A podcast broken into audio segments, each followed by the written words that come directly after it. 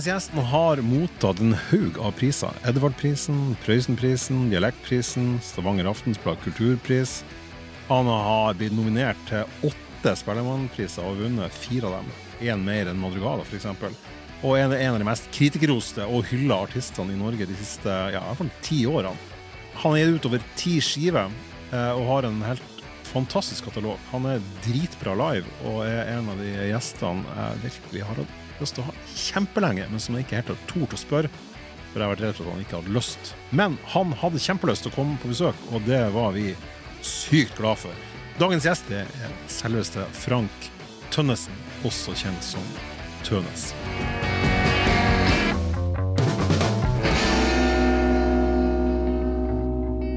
Da befinner vi oss faktisk i Stavanger, for en gangs skyld. Og eh, det er ikke tilfeldig heller. Det er jo for at vi har uh, strukket oss langt for å få uh, kule gjester, og da er det en stor ære, må jeg si, å få invitere selveste Frank Tønnesen, aka Tønes i studio. Velkommen hit. Tusen takk. Eh, kaller folk deg for Tønes, eller kaller folk deg for Frank? Ja, det er begge deler, egentlig. Så det kommer an på hvordan forhold de har til meg. ja, er jeg i en posisjon at jeg kan kalle deg for Frank? ja, det kan du. Det kan du godt. Men eh, du kan få føle litt på det. Ja, ja, du vet ikke, du føler at jeg er veldig freidig som Og det var jævla tidlig han begynte å kalle meg for Frank. Litt tidlig, men det går greit. Jeg tenkte jeg skulle spørre deg hva du gjør for tida rent musikalsk, men jeg, jeg fikk faktisk et eh, presseskriv her for uh, to dager siden, eller en mail rettere sagt, fra han Frode Strømstad, som er bedre kjent som frontfigur i, eller en av frontfigurene i I Was A King, Ja. med et nytt band og en ny plate, og der er jo du, så hva, kan du fortelle litt hvorfor du er plateaktuell? Det antar jeg ikke at du var før for to dager siden. Nei, det er fordi jeg kjenner Frode Strømstad, og at han uh, setter i gang sånne ting som ikke alltid jeg vet hva er, før jeg plutselig er med. Men han har jo spilt inn ei plate i, i Egersund, da, i Egersound, og så Ja, så var jeg med litt og spilte litt kassegitar sånn, men det, det er jo egentlig hans band, da, men Ja, du er oppført som et av medlemmene. Ja, ja, jeg visste det. Jeg har sett, jeg har sett bandet live også, eh, Ja. i Egersund faktisk, i sommer, og da var du på scenen og spilte gitar. Den Jeg vet den kommer nå, den. Ja, den kommer neste uke. Ja. Du visste ikke om det? Jo, jeg visste den kom i september, men Ja. eh, det var litt sånn stille fra Frode de siste dagene, så jeg vet ikke om han pønsker på noe. Fra Frode Strømstad, for de som ikke vet det, han er jo en av de to eh, hjernehalvdelene i, i I Was A King, det eminente popbandet, også i lag med Annelise Frøkedal. Og så har han jo gjort masse, eh, både som produsent, han har produsert flere av platene dine, Ja. um, og har også spilt med, spiller også i bandet No Ones i lag med Peter Buck fra R.E.M. og Scotty fra Young Fresh Fellows og masse andre folk. En veldig driftig mann. Ja, han kom jo inn uh, i Tønes uh, opplegg da i Persona Salve og ble med og produserte den. Ja, den er jo, den er jo et litt sånn vannskille òg, sånn lydmessig, den, den, den, den plata. Man hører jo at eh, altså, Frode er veldig han er, han, han, Jeg syns han er så god på å forstå artistene. Ja, han er god til uh, høre hva som er viktig i de forskjellige sangene, sånn, så han eh, Det var kanskje for første gang at noen var med og mente litt om hvordan vi skulle gjøre det i studio, og hvordan vi skulle eh, Ja, hvilke instrumenter vi burde ha, og sånne ting. Så det skjedde nok noe der, ja. Var, var det han som kobla deg på hun Annelise Frøkedal også? da? Hun var ikke med på den plata der, men eh, det er jo via han jeg har truffet hun Faktisk så var første gang hun på en litt merkelig festival som var på Moi, som eh, Emil Nikolaisen eh, hadde stelt i stand. og spilte jeg i hop med, med Frode og Annelise for første gang. Oh, ja. Jeg er veldig dårlig på årstall, men dette er jo litt tilbake i tid. Ja, ja, ja, det var, det var jo Sufjan Stevens som spilte, for eksempel, og ja. Du har jo òg jobba med han Emil Nikolaisen. Ja, han har jo vært med i, på ei plate og, og skrudd og spilt og holdt på, så det har vært veldig gøy, da. Han er en jævla sånn driftig fyr, og han, han starta jo en ny festival i sommer òg, i eh, Moss. Ja. eh, som hadde en helt fantastisk lineup, og har jo jobba med eh, Woven Hand og, og produsert og styrt, og har jo og har jo sitt eget band, Serena Manesh, som har gjort det kanonbra i utlandet. Så han er Ja. det, det er mye driftige folk fra det området der.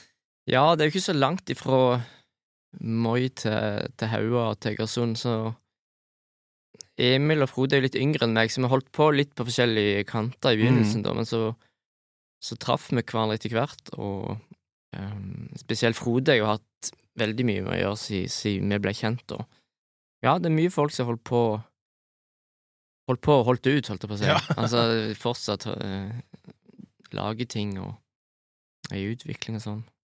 For jeg så, jeg så, det var det var så morsomt jeg fikk den her mailen fra han Frode om at um, det nye bandet ditt, da, som jeg kaller det for her, Color Lights, eh, Ja. så, så ser jeg jo hvem som er med der. Jeg så dere live i Egersund i sommer, det var, det var fantastisk bra. Og det synes som dere hadde jævla gøy på scenen. Og det er jo da han Frode Strømsø da, fra, fra I Was King, som vi har nevnt, og så er det han uh, Bård Ingebrigtsen. Han har vel også spilt med Hedvig Mollestad Trio, så jeg husker Ja, rett. sikkert. og, og Nordstoga og masse andre. Og så er det du, da, og så er det han uh, Ole Reidar Gudmestad, som vel også har vært i I Was a King, samt han Thomas Pettersen, som jo er en uh, kjent fyr som har spilt i både King Midas og Ulver, tror jeg.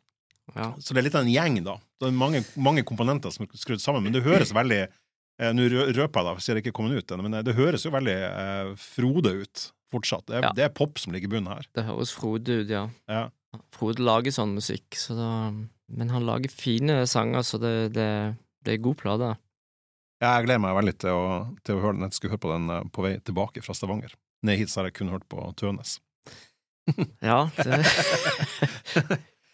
Em, jeg bruker jo å gjøre et forsøk på å dra gjestene mine eh, på en liten sånn tur først, for å sette dem i en slags eh, si, kontekst. Det høres veldig pretensiøst ut, men, men, men finne ut hvor de, hvor, hvor de kommer fra rent sånn musikalsk. Eh, og så snakker jeg med litt der sånn på forhånd hva på, på mail, da, hva det er du på en måte Om du husker hva som starta musikkinteressen din?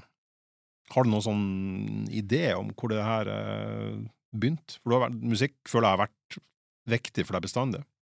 Jeg husker at, at jeg tidlig liksom syntes at det var noe spesielt med musikk, og, men det var veldig lite musikk hjemme, egentlig, der eh, hos mamma og pappa. Men så hadde jeg heldigvis en onkel, onkel Geir, som en bror til mamma, da, som, som hadde, var midt i stor eh, platesamling. Det var jo en verden jeg ikke visste om, som, som var på det rommet hans, liksom, med, med Ja, du hadde tilgang til et slags skal jeg si, analogt Spotify hos Ja. onkelen din, ja. Ja, faktisk. ja. Eh, Med, med svære høyttalere og og liksom en, en vegg med, med vinyl, da. Det jeg husker best, var nok Slades og Sp Sparks, for eksempel. ja Sparks kan, det var det, Jeg så du, du nevnte til meg Sparks er et band jeg har null forhold til. Og så Ja. var jeg i Oslo her for eh, Det var jo tidligere i år. Ja. Og så var det flere som spurte meg ah, du er for å se Sparks. Ja, de spilte i Oslo, ja. Ja, og, det, og det var, jeg var jo ikke der for å se Nei. Sparks. Og det var mange som var sånn Og, og de var så rart «Ah, Her vet du ikke det, liksom. Din Underforstått. Din dust. ja, ja. Eh, jeg har ingen forhold til Sparks. Kan du fortelle hvorfor de ble så rare når jeg sa ikke skulle på Sparks? Var, var jeg dum? Burde, burde jeg Nei, altså, det er jo ikke så mange som, som snakker om Sparks. Det er jo et veldig merkelig band. Altså, de har jo eh, Det var sikkert derfor jeg syntes det var gøy med det, fordi de hørte, det var litt sånn pop, og så var det litt sånn Litt rock, og så var det litt absurde ting, og litt sånn disko, mest noe av det. Så det, det var sånn Det er jo en dokumentar på mm, jeg tror Netflix om det nå, den er ganske tøff. Å ja. Det er jo Så- perfekt måte Det er jo to brødre, da, Ja. som det er jo sånn som holdt på, holdt på For de som har et forhold til det, er veldig begeistra for Ja, det. jeg tror det, ja. For at vi hadde en sånn kåring i avisa, av, eh, jeg og en kollega, vi skulle kåre de beste sånn brødreparene og søstreparene i, i, i rocken. Ja, Og dæven når vi ikke hadde med Sparks! ja sant. det fikk vi virkelig høre. Så da, da gikk jeg inn og prøvde å forstå det, men det var, det var, det var akkurat som jeg kom for seint på toget, hvis du skjønner. Ja, ja. Nei, jeg er ikke noen Sparks-ekspert, men det er liksom det jeg husker at jeg ble ja, Onkelen din var glad i det. Han hadde plate med det, og så Mm. Jeg har ikke spurt han om hvordan den platesamlingen hans Eller hvorfor ting havna inn i den platesamlingen, om det er liksom Han hadde liksom Queen og Tin Lizzie og Die Straits og Stranglers og Dr. Feelgood og masse sånne Tom Robb. Oi, oi, oi, oi. Uh, her var det mye gull. Uh, Ja, ja. Dr. Feelgood, har, du- har, du et forhold til dem? Jeg er Ja, jeg, ja, jeg, glad i dem. jeg hørte på det når liksom, Jeg syns det var bra. Den der uh, Down by the Jetty-skiva. Jeg husker ikke hvor plata men den der Motorway-sangen der, 2468 Motorway, eller Ja. sånn, et eller annet sånt. Synger. Ja, fordi de har jo Altså, de var jo et, de var jo et band som var uh, Som var in their prime med han gitaristen som heter Wilco Johnson, Ja, ja. som, som døde før Var det i fjor, eller Ja, noe sånt? stemmer det. Uh, ekstremt spesiell måte å spille gitar på. Og så, og han spiller på de to første platene og, og den liven, den Stupidity. Ja. Og etter han slutta, så ble det egentlig mer sånn ordinært pubrock-band. Men Ja. De, de kvasse gitarene, og det høres så jævla farlig ut. England midt på 70-tallet, før punken, og eh, Ja. etter de eh, Dritbra. Men det var, det var nesten som når du, når du setter på de her forskjellige platene i bandene, så var det Alt var liksom helt nytt. Du hadde ikke hørt noe lignende, for jeg hadde liksom ikke noe hjemme, noe Noen referanser? Nei, så det var, det var sånn sjokkerende, egentlig, og eh, Og så ligna de ikke på hverandre. Det var, alt var liksom forskjellig på et vis. Eh, og Nazaret hadde jo noen sånne plater med som var ganske tøffe. Ja, ja, ja. Razz and S og Ja, ja, Den, den husker jeg. ja. Den der påfuglen, sikkert på, Ja, ja, ja, coveret. Og så den liveskiva, It's Nas. Ja. Eller sto Snas, som kalte den før. Men fikk du, fikk du låne med deg platen, eller fikk du ta det opp på kassett? Hadde du den, eh, eller hadde du det privilegiet? Ja, vi tok jo opp på kassett. Ja. Så begynte du å kjøpe plater sjøl etter hvert. Det tror jeg jeg gjorde etter jeg ble konfirmert, for da jeg, ble konfirmert, så gikk jeg rett til Sandnes og kjøpte stereoanlegg. Altså, mamma- mamma- liksom. Ja, mamma kjørte meg hit eh, Jeg tror vi bare gikk inn på første beste sånn der eh, elkjøp, ja. og så bare Jeg skal Ja. ha det. Ja, ja, ja. ja. Jeg kjøpte sånn dårlig Fischer-anlegg med sånn, sånn rack. ja sånn rack, ja. ja. Det var jo det som var kult. Ja. Jeg tok, jeg tok veldig mye opp, jeg. Altså, jeg tok veldig mye opp på radio. Så hadde jeg hørte på eh, Pandoras jukeboks, for eksempel, og Harald Are Lund og sånne ting. Altså, Pandoras Jukebox, det er veldig kult å nevne det, for det, det var hver lørdag. Det var han Sibjørn Nedland Ja. som var programleder. Eh, det var kjempeviktig for meg òg. Du er Ja. ett år yngre enn meg, du er født i 1972, jeg er født i 71. Så Ja. der, der var det liksom veldig ofte første gang man fikk høre sånn De Lillos og Jokke og de her tingene, og, og, og masse kult. han spilte jo de aller verste, og Kjøtt husker jeg sånn rett etter hverandre. Jeg satt bare Skjønte ikke hva det var. Jeg har aldri hørt noen ting som ligner på det i det hele tatt. Så Nei, liksom, ikke sant? Måtte sitte klar, liksom, og ta opp. Ja, ja. Tilfellet var noe bra. Ja, men, altså, Vi tok jo til og med opp ti i skuddet, selv om det var jo, Ja, ja. var jo type sånn Én av ti låter var jo kul, men det var jo i fall det skulle være noe bra. Man Ja, visste jo ikke. Så var det å ta det opp, og så var det liksom å, å spole seg frem til den ene bra låten etterpå. da. Ja. Jeg tok opp veldig mye, altså. Har du tatt vare på noen av de kassettene? Jeg tror jeg har noe av det, ja. Ja. Jeg eh, tipper at det ligger en haug hjemme hos pappa i et i noen eske der, altså. Jeg, jeg tok opp altfor mye. Jeg, og andre ting òg tok jeg opp, sånn spesielt sånn, eh, sånn humorting òg begynte jeg ganske tidlig og syntes var veldig gøy. På, på radio? Ja. Altså Lysta Mjøen og de her tingene? lyst Lysta Mjøen Ja. og uh, for eksempel Per Inge og Steinar Lysi fra Stavanger og sånn. De Ja, det var til stort humormiljø her, ja. Ja, de hadde sånn Av og til de snakket mellom noen sanger på Jeg husker ikke hvor program det var, men da måtte du iallfall være klar, for du visste jo aldri. Når de begynte å prate med Jeg satt, alt, satt mye med radioen, tror jeg. Ja. Men det gjorde jo folk på den tida. Altså, det, var ikke, det var jo ikke så jævlig mange kilder. For, altså, de? Harald Are Lund hadde jo noen program på veldig sånn ukurant sendetid som var helt fantastisk, der de fikk høre nye ting man ellers Ja. ikke fikk høre. Og Sigbjørn Edland hadde jo det her på Nordisk Jukebox. Eh, og så var det litt sånn Ungdommens radioavis og en del sånne ting. Men det var Og så var det på TV var det jo ingenting. Eh, akkurat sånn som nå. Sånn det var, det var jo ganske begrensa. Og det å da ha en sånn Men- onkel som du hadde Ja, jeg, jeg, jeg bør egentlig ta en prat med han om det der, for det, han var nok ganske viktig. mm. Jeg skulle ikke visst hvor den interessen hans kom ifra, egentlig. hvor, hvor bodde han hen? Han bodde ikke så langt ifra der eh, vi vokste opp, det var liksom fem, fem minutter å gå. Hvor mange innbyggere var det der? Nei, han, det var i Sokndal, det er jo 3005, sånn cirka, da. Ja, Og da var nærmeste platesjappe Egersund, da, eller? Ja. ja. Mm. Egersund.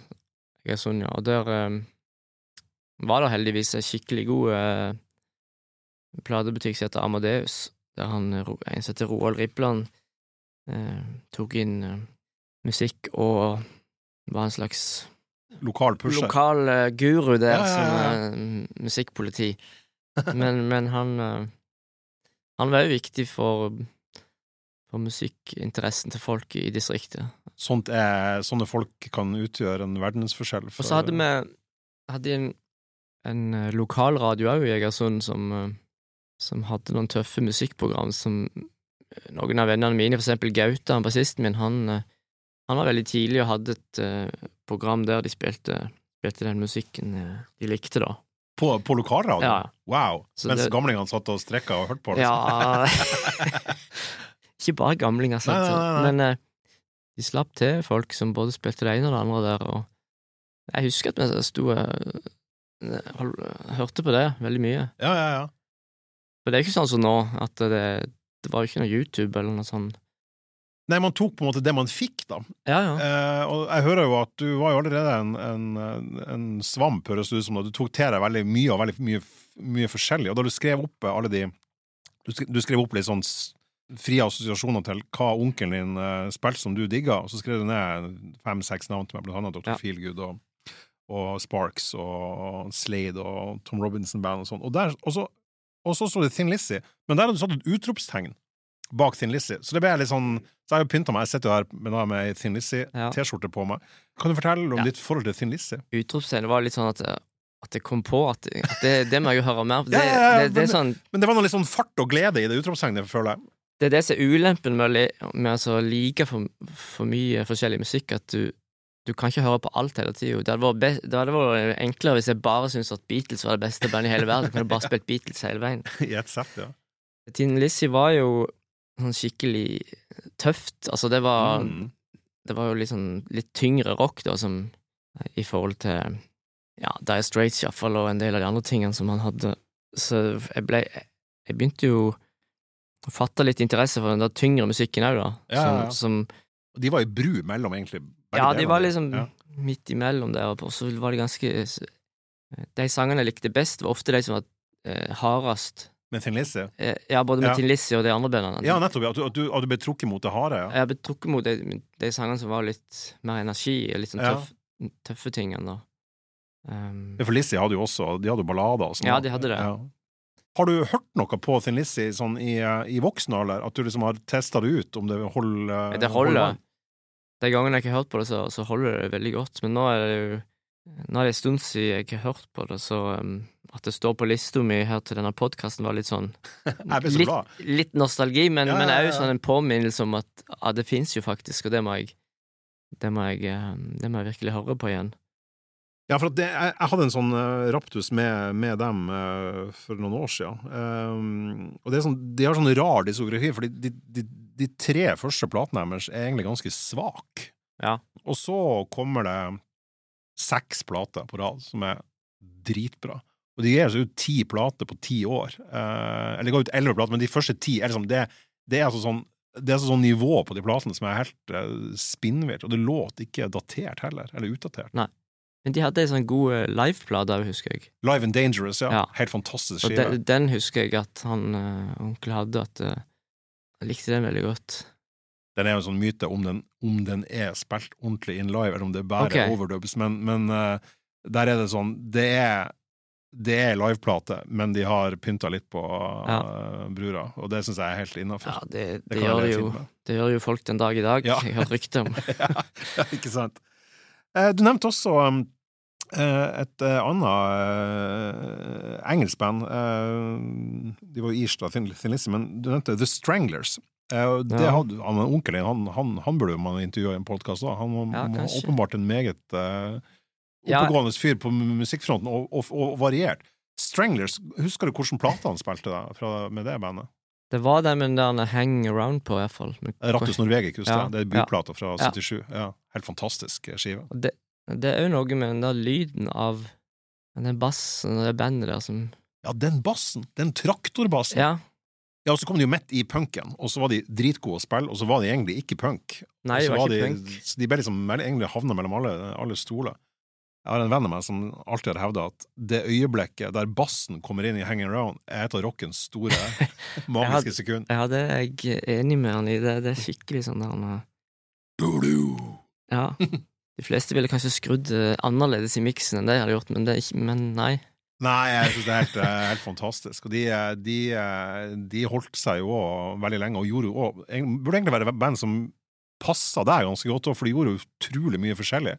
Ja. var veldig lite fastlåst i, i ting, og på, på de platene til Strangler så fant man egentlig Man fant liksom disko og punk og rock og pop og det var Hvis man leita liksom i lagene Mm. på de platene, så dukka det alltid opp gull hvis man hørte mye på dem, og det Ja. var det man gjorde da. Du sa også at du, du kjøpte kassetter og sånn, eh, og så syns jeg det var så kult at du nevnte eh, ei plate med Øystein Sunde. ja. det syns jeg passer med kladden. Kan du fortelle litt om ditt forhold til det, altså guttepjokken eh, Frank da, og Øystein Sunde? Hva, hva gjorde det slags eh, inntrykk?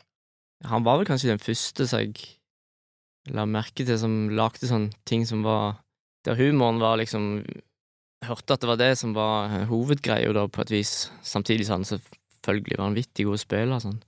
Ja, og snakketøy. Han er jo Norges, Ja, ja. Norges første rapper, egentlig. Ja, egentlig. Han synger vel fortere enn de fleste, ting. Ja. Nei, jeg, jeg, husker veldig godt den der Barkebilleboogie-plata med modellflysangen og motorsagpunk og alt det her. Ja, Motorsagpunk! Det er fantastisk! Ja. Så det var jo òg sånn eh, helt nytt for en liten gutt å høre om tøys og tull på plate, liksom. Ja, for det, den der motorsagpunk Plata kom vel i 1981, tror jeg. Det, Så den er jo rett etter punken, egentlig, men punken har kommet til Norge, da, så, Ja. så jeg, den er jo egentlig et harselas med punken. ja. Eh, den begynner med at en fyr spiller sånn fiolin. Og så er det Stemmer sånn, det, og så- eh, så sånn Nei, nei, sag den opp med Sag motorsag! opp Ja, stemmer det. Så, så han gjør egentlig narr av punken ved med å spille eh, punk sjøl. Og, den er jo eh, dritmorsom. Ja, den er kjempebra. Den, den holder seg veldig godt, altså. Så jeg, jeg, eh, jeg oppdaga nok sånn der han eh, At det gikk an å, å lage løgnesanger via han, tipper jeg. Jeg, sy jeg syns jo det var veldig løye sjøl òg da jeg var liten. Alle likte jo Øystein Sunde. Ja, jeg lo veldig godt av det. Vazelina Bilepøkker så jo en periode, faktisk, da jeg var Det syns jeg var gøy. Ja, som også var jævlig god å spille, og, had, og blanda humor Ja, mye, mye, ja. inn. Og det, var, det, det, det, som jeg tenkte, det som med Øystein Sunde, var at han var, han var på en måte eh, en sånn bru imellom to generasjoner. For at foreldrene mine hørte jo på masse av de her visesangerne, Lillebjørn Nilsen og, og alt det der. Mens Øystein Sunde likte alle kidsene òg. Og jeg husker når de gitarkameratene kom, så jeg var så dem da jeg var sånn 16 år, Mm. 15-16 år eller sånn. Og han syns jeg fortsatt var jævlig tøff. Ja. Og dritgod på gitar og Ja. morsom i snakketøyet. Og... Jeg har faktisk aldri sett han live. Det er litt sånn Ja, for har, han har bare sånn her eh, Nesten sånn revyshow der, okay. der det er sånn tematikk. Altså, han hadde en som heter Sånn er det bare, som han Ja. hadde satt opp, liksom, der han gjør samme show. Han, jeg tror ikke han reiser rundt og har konserter. Nå gjetter jeg bare, men jeg har, jeg har en idé om at Jeg kan ikke huske jeg har sett noe Nei, som altså, liksom- jeg det er, Han har sikkert vært i Stavanger noen ganger, sånn Jeg kunne fått det med meg, men jeg kan ikke huske at han var liksom rundt i nærheten når jeg var ung, iallfall. Men, men jeg hadde mye kassetter med han, og jeg husker jeg hørte på Ole Paus òg da jeg var ganske ung, faktisk, og da eh, Ole Paus hadde egentlig ganske mye sånn seriøse tekster. Iallfall oppfatta jeg det sånn da jeg var liten, så, men så plutselig hadde han en sånn Han har masse humor òg, Ole Eh, Paus. ja, ja. Men Ja. plutselig hadde han for eksempel Ikke gjør som mora di sier, Ja. som var veldig sånn tydelig um, Mora di er ei ku. Ja. Ja. Så, mens, mens med Sunde så var det kanskje mest sånn sjalabais-sanger, og så kom det plutselig en sang om det et annet fly. Han har en sang om en annen fly som Twin Otter. Ja, tviler Otter på Efra fra Mo i Rana. Ja. Ja. Som er liksom sånn fin sånn sang. Ja, men Det er eminent countrylåt. Ja. Ja. Når du er liten, så liker du Norge, liksom, mens når du er voksen, så setter du kanskje pris på andre ting. Det, det er en sånn typisk ting. Og sånn er det litt med musikk òg. Og tekster, da, til det. Selv om Ole Paus har mye humor, så har kanskje han litt mer sånn seriøs på et eller annet vis. Ja, Paus var jo, han var jo mer det- sånn i Raddisgata og hadde jo det Pausposten. Ja, det hadde- da var det jo mye- Så, så var mye politikk i, Ja, det var det, i det, og sånn. venstrevridd eh, Ja. sådan også. Øystein Sunde var jo mer en sånn eh, ikke så sterk satiriker på den måten. Han, mer, han, han var mer sånn Kjell Aukrust med banjo og Ja. el- elgitar, på en Ja. måte. Altså sånn at han var mer sånn Det var humor og uten det enorme politiske tilsnittet, da. Mm. Men det høres ut som at du eh, eh, Og det er jo ikke noe paradoks i det. Det høres ut som at eh, altså norske artister som sang på norsk, og som hadde glimt i øyet og humor, var noe som tidlig tok deg. Hadde du noen sånn idé sjøl om at faen, det her må jeg jo prøve meg på på noe vis, at du har lyst til å, at du har lyst til å prøve deg på den humorbiten? For det er jo masse humor også i ting du både fortsatt gjør og har gjort, med, gjennom revy og alt det her. Ja. Det meste av den musikken vi har snakket om, som, som liksom har truffet meg sånn veldig hardt og eh, betydd noe for meg, har jo ikke vært så veldig humorbasert, egentlig. Nei. Eh, Det var bare akkurat Øystein Sunde slo meg som en sånn Ja, ja, han eh, Og Lysta Mjøen, selvfølgelig. Ja, jeg vet ikke om jeg tenkte at jeg må gjøre det sjøl, men jeg ble nok kanskje iallfall inspirert til å prøve å, å lage ting sjøl og sånn, for det var veldig tidlig at jeg begynte Eh, Begynte for eksempel å ta opp egne ting på kassett. Å oh, ja, altså for- humorting, eller? Ja. eller? ja. Vi lagde jo faktisk to eller tre sånne kassetter med sketsjer og litt sånn rare sanger. Du sier vi, hvem er det? Du og Ja, det var Øystein var med, han, han som har spilt uh, tangenter på de fleste av platene mine, mm. og så var det en fyr fra Helleland som heter Ant Erik, han har ikke vært med på noen plate, og så en i Egersund som heter Ole Gunnar, og litt sånn tilfeldige personer. Men det solgte veldig dårlig, altså, vi, vi trykte opp noen kassetter, men, men, Dere men trykte dem opp òg? ja, hus, Altså sånn bootlegs, da? ja, ja. Ja. Det beste av Det er særs dårlig, det er bra å si. Ja, det selger veldig dårlig. Jeg husker vi lagde den siste Den siste kom på CD, da, oh, ja. og så vi solgte Kanskje trykte opp 50 eller noe sånt. Men jeg husker det beste var at en som hadde kjøpt han kom tilbake og leverte han tilbake igjen. Han bra. Han ville ikke ha han. Skulle han ha pengene tilbake heller? Nei, det husker jeg ikke mer. Ville iallfall ikke ha han. Det var jo starten nok på sånn der humorgreier. Og jeg tror kanskje at sånne sanger som Sånn koker jeg og Tilde Bøs legat og sånn, kunne kanskje trukket paralleller tilbake til den tida der når vi lagde sånne helt sånn ville ting på kassett. For Til Bøs legat er jo, det er jo tittelsporet på, på siste skiva di. Ja. Eh, og, og jeg syns jo låten i seg sjøl er, er veldig Altså, låten er veldig bra. Og så er det eh, Så er jo teksten eh, på den ene sida morsom, men det jo, du vil jo si noe der også. Og så så jeg en dokumentar der du gjorde den i sånn gjøglerutstyr, altså med maske og sånn. ja. Og det var så jævla vilt! så Ja. det, da, og da så det ut som en ren humortegn. Da så jeg liksom hvor den kom ifra. ja. Hva, hva var det greia der? Det var Nei, utrolig forstyrrende. For, utrolig forstyrrende. Det, altså, det er jo en ting jeg har holdt på med på de revyene der, og, og, og lagd litt sånn sanger i den figuren der, at han er sånn veldig sånn utagerende og tar et eller annet tema.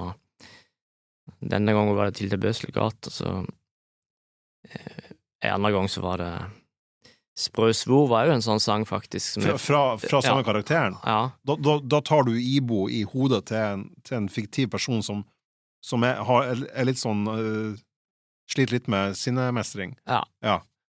Er, er det han som er i Waldorfsalat og, og Spleiselag også? ja Ja. Du minner om den karakteren, den tenker jeg. kom faktisk derfra, den òg. Ja. Så, sånne sanger har jeg jo spilt på de revyene kveld etter kveld, da, sånn, kanskje 16-17 ganger, og da, da får de en form til slutt. Mm. For den formen er jo ikke så lett å få til i studio, sånn hvis du ikke har prøvd ut på forhånd i sånne type sanger. Så de har godt av å gå noen runder sånn eh, i nærheten av et publikum, da, sånn, for å finne en slags eh, form og stil på det. ja, for du skjønner hva som funker og ikke funker, Ja, da. Ja. ja. Mm. Litt sånn som standup-komikere drar rundt og tester ut materialet Ja, sitt live før de lager showet. Jeg hører jo nesten ikke på noen ting sjøl som jeg syns er løye, altså. Jeg, jeg er ikke interessert i løgn, altså musikk med humor jeg er egentlig ikke interessert i nå lenger. Sjøl, nei. Nei. Nei. Og opp gjennom tida så er det, ikke, er det ikke den musikken som har truffet meg mest, så det er litt sånn paradoks til at jeg sjøl er rundt og får folk til å le nå, eh, med å synge løgne sanger, Men, men er jo litt merkelig. jeg, jeg, jeg syns egentlig ikke det er så paradoksalt. For, jeg, altså sånn, eh, når man ser deg live eh, Nå har jeg sett deg en det er vel fire-fem fem, nei, fem-seks ganger jeg har sett deg live nå. Og der er det jo en, en eh, alltid en miks mellom det humorbaserte og det eh, ikke-humorbaserte. Du, du har jo masse både tragedier Ja. og tunge, tunge ting Jeg har jo mest ting som ikke er løye, faktisk. Nettopp. Føler du noen ganger da, når du, når du spiller, at, at, at det ligger en slags forventning til at du også må være morsom? Ja, det gjør det jo. Folk ler jo av og til av ting jeg sier som, jeg- som jeg kanskje ikke er så løy, løgne heller. Mm, at er flere på, på feil plass? Ja, Ja. men det er jo, jeg er jo skyld i det sjøl, sikkert, at jeg har, har sånn et spenn i sangene, at noe er jo veldig tullete, om- mens andre ting er veldig nedpå og rolig og sånn. Så det er klart, når jeg veksler mellom det live, så skjønner jeg jo at det kan være forvirrende, men uh, Men blir du irritert, da? Nei, jeg ble det før. Da tenkte jeg kanskje nå, jeg må prøve å skille dette her på et vis, og kanskje lage ei plate der kun sanger er Der du er den karakteren? ja, ja, for eksempel skille de humortingene, men etter hvert så har jeg tenkt at det er jo ikke vits. Nei, jeg har ikke sluttet å irritere meg over det, for det, det er egentlig bare helt fantastisk at jeg kan, at jeg kan veksle sånn. Det Mm. gjør jo egentlig konsertene Jeg innbiller meg iallfall at det gjør konsertene mer interessante både for meg og for publikum. Absolutt. Faktisk. Om de ler på feil plass, det gjør jo ingenting. Hvis du gjør signaler, Ja. en, en, en, utrolig eh, sterk låt om eh, eh, om en, en bonde som det egentlig En bonde og en bondekultur som det er i ferd med å gå helt til helvete med. Mm. En, en personlig tragedie, som det ville blitt kalt i avisa, Ja. og de står og skyter sauene hans, myndighetene, og, og alt er jævla tragisk. Og, og, og det er veldig sånn syrlig eh, En syrlig tekst til hele greia. Eh, og Annelise Frøkdal har, har helt enormt bra koring i den, som gir låten en sånn knekk i tillegg. Eh, hvis folk begynner å flire til den låten, eh, da, da ville jeg blitt fornærma, tenker jeg, som publikummer. Det må vel være en slags grense for hva du er sånn Nei, det her var ikke artig. Det her var Jo, ikke artig. Ja. Det er jo av og til å tenke nå, nå ler de liksom på feil plass, og ja. hva skal jeg egentlig gjøre med at de ler? Det, det, det er ingenting jeg kan gjøre. Nei, det, det, det, Altså, det er veldig sant. Men det er jo litt, litt irriterende, er ja. Det, Ja. Ikke det, det er jo ikke en løgnsang. så når Nei. jeg ler på den, så tenker jeg jo ofte hvorfor ler du her, liksom? Det er jo, det er jo ikke løye. Nei, det er jo ikke morsomt i det hele tatt. Det er tvert imot. Den har jo en, den der treskjæring på på- Åpningssporet på, Ja, på, den er jo litt sånn at folk blir litt forvirra, kanskje. Er dette morsomt, eller er det trist, eller er Så der er det jo folk som av og til ler litt, og så og noen ler ikke, og noen blir irritert på de som ler, som står på sida, og sånn. Det er jo to fraksjoner. Ja. Men det er fascinerende det der med humor, på, og, og sånn som på konsertene dine også. På, eh, sist jeg så deg, var vel faktisk på Egersund visefestival. Og så Ja. deg i Tromsø på en helt, helt fantastisk søndagskonsert. Kun du og Annelise. ja, det var gøy, det. Ja, det var helt enormt bra. Da spilte du jævlig lenge også. Ja, det var Eh, litt, litt som, for lenge. nei, det var ikke for lenge i det hele tatt. Det var helt perfekt, for det var søndag, og det starta tidlig, og det var helt, eh, helt fantastisk. Men det, det, som, det som slo meg som en sånn herre eh, Jeg går jo lite på humorkonserter, og det, dine konserter er jo ikke det heller, men du har jo elementer av humor, som vi har snakka om her nå. Mm. Og da gjorde du den eh, Spleiselag-låten, eh, og den hadde jeg da sikkert hørt type 30 ganger på plate, da. Ja. Og jeg følte at det hadde publikum Mm. også gjort. Og du har hørt den. Så vi er liksom fylt et rom der alle på en måte har Alle har hørt vitsen, på en måte. Mm. Eh, likevel, så når du kommer til det som er jævlig artig i låten, så begynner alle å flire. Og de venter høflig, selv om alle vet hva som kommer. Ja. Så venter de til poenget kommer, og så flirer alle i lag. Ja. Det er jo noe jævla snålt, og samtidig veldig fint med det, da. Det er veldig fint. Det er egentlig det store mysteriet oppi det her. Det har jeg tenkt på veldig mange ganger, at med mange sånne sanger jeg har lagd, sånn som yatzy og ja, ta yatzy og spleiselaget, som du sier, alle vet jo, alle har hørt dette, hvorfor ler de? Ja, nettopp. Fordi For jeg trodde, jeg trodde det skulle ikke gå an, jeg tenkte at det er sanger som bare har sin et kort liv, ja. et kort liv, og så vil de ikke ha dem mer, og så må jeg finne på nye vitser, men Nei, det er et eller annet som skjer når du, når du står på en scene, og du har liksom folk eh, med deg, eller eh, som ikke kan forklare seg, egentlig. Jeg, jeg, jeg prøver jo å unngå å le av disse tingene sjøl. Altså, når jeg sitter og lager sånne ting, så er det utrolig sjelden at jeg sitter og ler av meg sjøl. Men det hender sjelden gang når jeg øver, for eksempel på spleiselag, jeg husker jeg øvde på en, så begynte jeg å le Av, av, av, av deg sjøl. av meg sjøl. Da er jeg liksom helt aleine. Ikke fordi jeg tenkte at, nå, at dette var skikkelig bra, men det er det som du sier, jeg vet hva jeg skal synge, jeg vet hva jeg skal si, men allikevel så, så blir jeg Jeg klarer ikke å kontrollere meg. Jeg, jeg bare rett og slett ler. Gjør, det gjør jeg jo ikke live, da. Altså, det har sett jævla rart ut. det er jo det er helt forbudt. Ja. ja. Men det, det føler jeg ikke noe behov for heller, da. Men eh, er ikke det det samme med litt sånn andre sanger òg, da? Hvis det kommer en veldig en sang du har veldig sterkt forhold til, som du syns er veldig fin, så du vet jo hvordan den er, så kommer den, og så blir du, kan du bli helt sånn der eh, forskjelven av den, liksom. Det er veldig, det er veldig sant. Jeg har ikke tenkt på det. Det er klart, du har jo, det, det er jo, det er jo sånn her um, lå, For eksempel sånn, sånn låter, den klassiske uh, historiefortellertradisjonen. Så kommer det liksom slutten, siste verset, der alt går Ja. til helvete, og så Ja, knekker det i deg hver gang. ja. Det er egentlig akkurat samme mekanismene. At du, du, du oppsøker den følelsen du fikk første gang du hørte, og så får du den på nytt. Og det er jo egentlig jævla Det er jo jævla fint. Vi har spilt en cover av Damien Jurado på, på den der Ohio, som jeg oversatte til Tonstad, da. Og jeg husker jeg satt og så skulle oversette den teksten, så jeg har jo hørt sangen siden han kom ut på plate, liksom, fullt av ganger. Så, jeg, begynte nesten å grine når jeg, når jeg liksom setter meg inn i hva, hva han egentlig synger. Ja, nettopp, ja. Hva er det han synger om? Eh, Nei, det er jo ei, ei, ei jente som har eh, blitt tatt fra mora si eh, tidlig, da, flytta til en annen plass. Så, en veldig sånn trist historie. Så når du da gikk inn og så oversatte den, så, så fikk du den på nytt igjen opp igjen, selv om du Ja. visste hva det var. Så det var sånn Mm. Shit, det her er skikkelig god sang og skikkelig vond historie, da, men, eh, Jeg synes det er. Derfor ville jeg bare pensle, pensle inn på det. men det er merkelig, akkurat det der. Mm. At det går an å fortelle samme vitsen egentlig om igjen og om igjen. Selv Ja. om, selv om du prøver å I hvert fall tenker jeg at jeg prøver live å kanskje ikke gjøre sangene helt likt hver gang, det er ikke noe poeng. Så at en prøver liksom å krydre de på en litt annen, må, annen måte enn sist, og sånn, men det er jo den samme sangen, det er den samme teksten, så ja. Men, men når en låt sånn som uh, Den Spleiselag, eh, eh, når den blir så jævla svær da plutselig, at den på en måte blir større enn albumet eh, Jeg ser jo strømmetallene på den er jo helt sånn enorm, og, og, og i det så ligger det kanskje også en, en, eh, en, en fare for at låten skal eh, kaste skygger over de andre. da, at, at Hvis folk kommer på konserten La oss si den blir strømma 20 millioner ganger, da. Det hadde vært kult for deg, for all del, men hvis da alle som kom på konsertene dine, kom bare for å høre den låten, Ja. og ikke var interessert i det andre, så, så hadde det jo ikke vært så kult lenger. Nei, nei det, det er jo en sånn frykt jeg har i meg, for det, det skjer jo med, med mange artister at de blir fanga liksom av en sånn hitter som de har, og foreløpig så, så har det gått greit, men jeg tror nok kanskje at det blir vanskelig å gjennomføre en konsert uten å spille spleiselag eh, framover. Så det er nok Ja, det er jo hiten fra siste skiva Ja, enn så lenge. Ja, så jeg tror nok den er vanskelig å utelate, egentlig. Men jeg prøver jo hele veien å, å lage setlist som er ganske fri, egentlig, der jeg tillater at vi tar med nye sanger og, og spiller gamle ting på andre måter og sånn. Eh, Og jeg føler at folk stort sett blir fornøyd.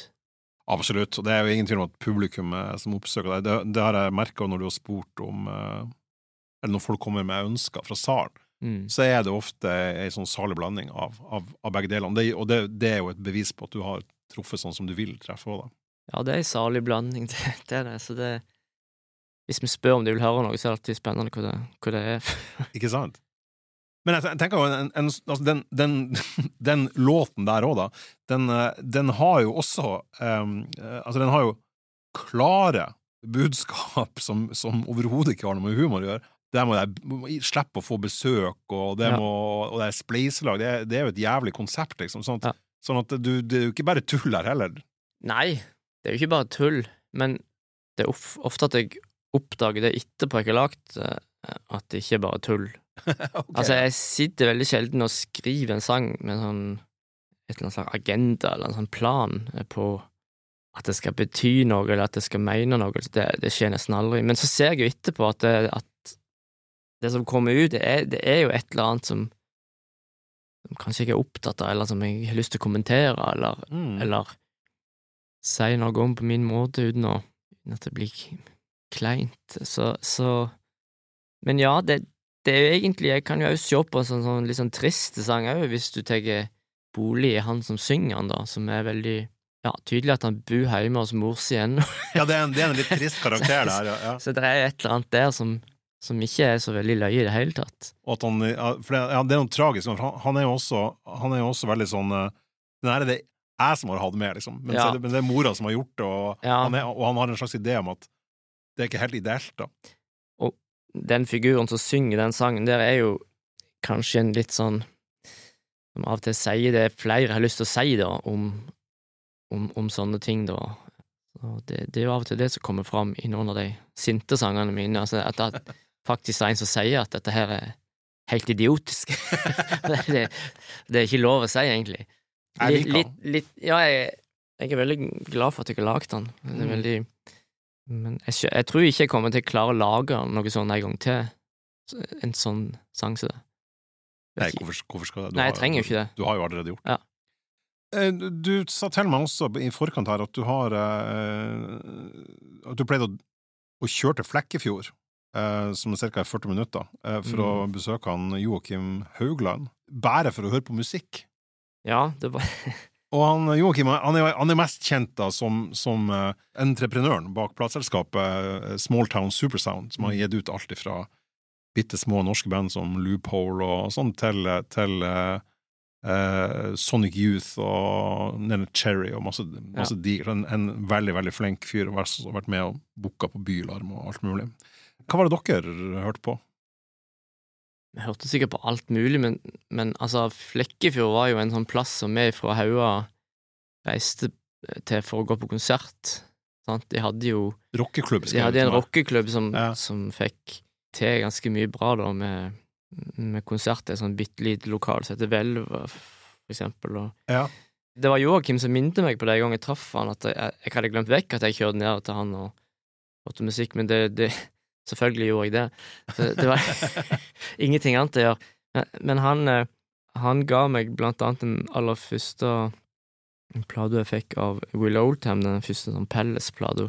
Og Palace Music eller Palace Brothers? Ja, et, den aller første der han bare er liksom på coveret med Det er sikkert den en eh, Viva Las Blues som kom i Nei, det er den før med bare sånn dårlig eh, bilde av han, og kan ikke se at han sitter der, Will Oldham, og så er det Ja, den Palace Bare- Brothers, da, sikkert. Ja, sikkert. Ja. Han spiller bare kassegitar. Ja, ja, veldig, veldig skeivt. Veldig skjevt. Ja, veldig bra. Fantastisk. Jeg, og det er jo bare sånn Kom hjem med den CD-en og sa Hva er det her for noe, liksom? For det var jævlig annerledes På da det nytt, kom. på nytt var det liksom noe helt Ja. altså, jeg aldri hadde hørt. Jeg hadde ikke hørt Mhm. en sånn stemme, hadde ikke hørt en sånn skeivt gitarspill og sånn, så går det an å gi ut? Men så var det et eller annet fantastisk der. Så artig at han pensla deg inn på, Ja, på det det. sikkert, Han tenkte sikkert at det ligger Frank, det kan, Ja. det kan, han- det kan han få. Så han, men hele den gjengen i Flekkefjord var jo Fjellparkfestivalen, for eksempel, har ja, hatt, selvfølgelig. har jo hatt uh, mye å si for oss som Ikke han Ollis fra Flekkefjord? Ja, Ja, Ole Petter Ole Petter. Han spilte jo i Defidos, som var sånn band Defidos har ikke jeg hørt. Nei, det var bandet hans, det var fantastisk. Her, har de gitt ut noe? Nei, tviler jeg på, men jeg har hørt noen rykter om at det ligger et par uh, konserter på YouTube nå med dårlig lyd, da, men, Ah. men, uh, men han jeg skal jo Loophole òg, gjorde han ikke det? De har i hvert fall to plater, som jeg husker. De, litt sånn Husker du-aktig uh, Ja. pop-punk. Nei, Defidos var liksom det, det store når vi, når vi Hva var han, trommis eller frontfigur? Nå spilte han gitar og sang. Ja, Nei, han- han spilte kanskje bass, faktisk. jøss. Han sang iallfall. Ole Petter Andreassen, for de som ikke vet det, han er jo da en eh, legende i Oslos musikkliv i dag. Ja. Spiller i Black Debbath og spiller Cumshots og El Dumen, eh, ja, masse annet. Han har vært produsent for alt som kan krype og gå, egentlig, i Oslo-rocken. Um, og det er, er altså da Flekkefjord-legende. Og det var jo Vi hadde jo noe som heter Haugarock, som var en sånn en årlig happening i eh, kinosalen der som vi bor. Og da hadde vi Flekkefjordsband og folk fra ja, noen Stavanger-band òg, og litt sånn. Så det var, det var ganske mye forskjellig musikk, alt ifra litt sånn Cure-inspirert uh, deppemusikk til Altså Cure og Smiths og Joy Division og de Ja. her tingene. Ja, Sisters of Mercy, kanskje òg. Ja, og så var det noe til heavy, kristen-heavy fra Haua og punk. Det var liksom alt. Det var liksom Hvordan kristen-heavy? Nei, det var god heavy. de hadde sikkert lyst til å være Jerusalem eller Petra og sånne ting, men uh, de heter Volum. Volum, ja. ja. Det, det var ja, det, ja, Petra var de heter, de her kristenrockerne, ja. De hadde jeg glemt, ja. Ja. Stemmer det? Volum var veldig bra. Hvor var vi? Ja, vi var i Flekkefjord. Nei, Fjellparkfestivalen. Der fikk jo vi spille òg, med, med de punkebandene som var, eller de bandene vi spilte i. og Spilte du i noen punkeband sjøl? Ja, ja. Altså, Gaute, som spilte bass med meg, de hadde jo starta band før oss. De, de spilte, hadde et band som heter Useless først, og så heter de Verdens Undergang. Bra navn, da. Ja, veldig bra. Spilte på, spilte på NM i rock i Stavanger, for eksempel. NM i rock, det er bra. Det var, det var en ting, det der. der. Ja. Det var ikke noe teit, det. da Nå høres det jo helt superteit ut, men eh, det jeg, jeg syns egentlig det er veldig så kult som sånn bylarmvinner. Ja. Det var nå noe som skjedde, i hvert fall. Hadde Jeg hadde et band som heter Røde Knær, og så hadde vi Det er bra, altså. Det er bra navn. Ja, jævlig bra. Det er skikkelig bra navn.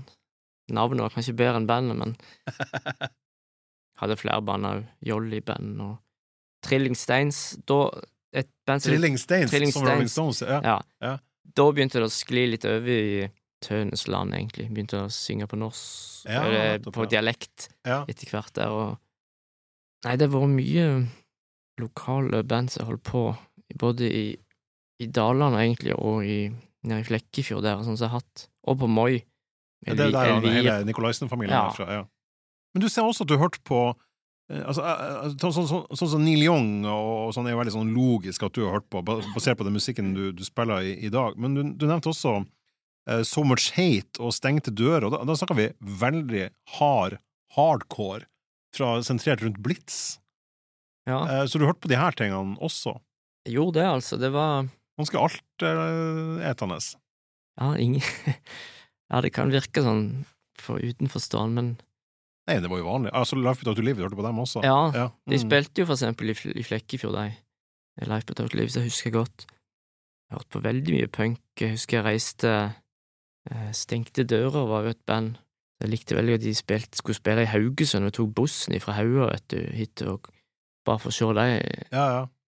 In, innfridd, da. Reiste Ja, det var fantastiske greier.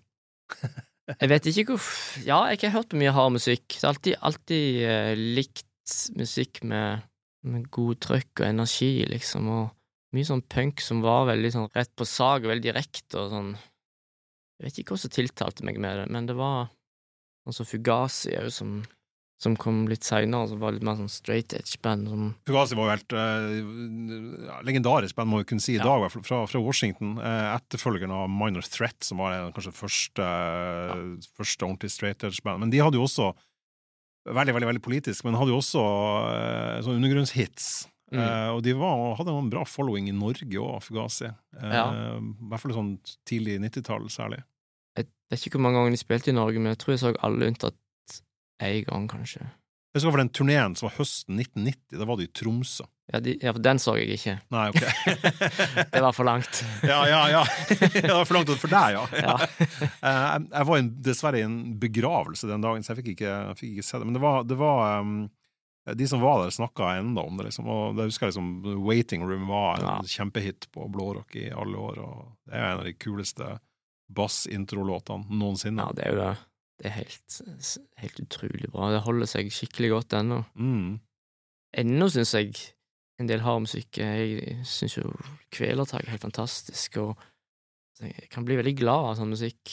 Kan det være at han, onkel Geir planta noen frø i deg Ja. allerede da, at han fikk deg til å åpne ørene og øynene for, for det harde, da? Ja, jeg tror det.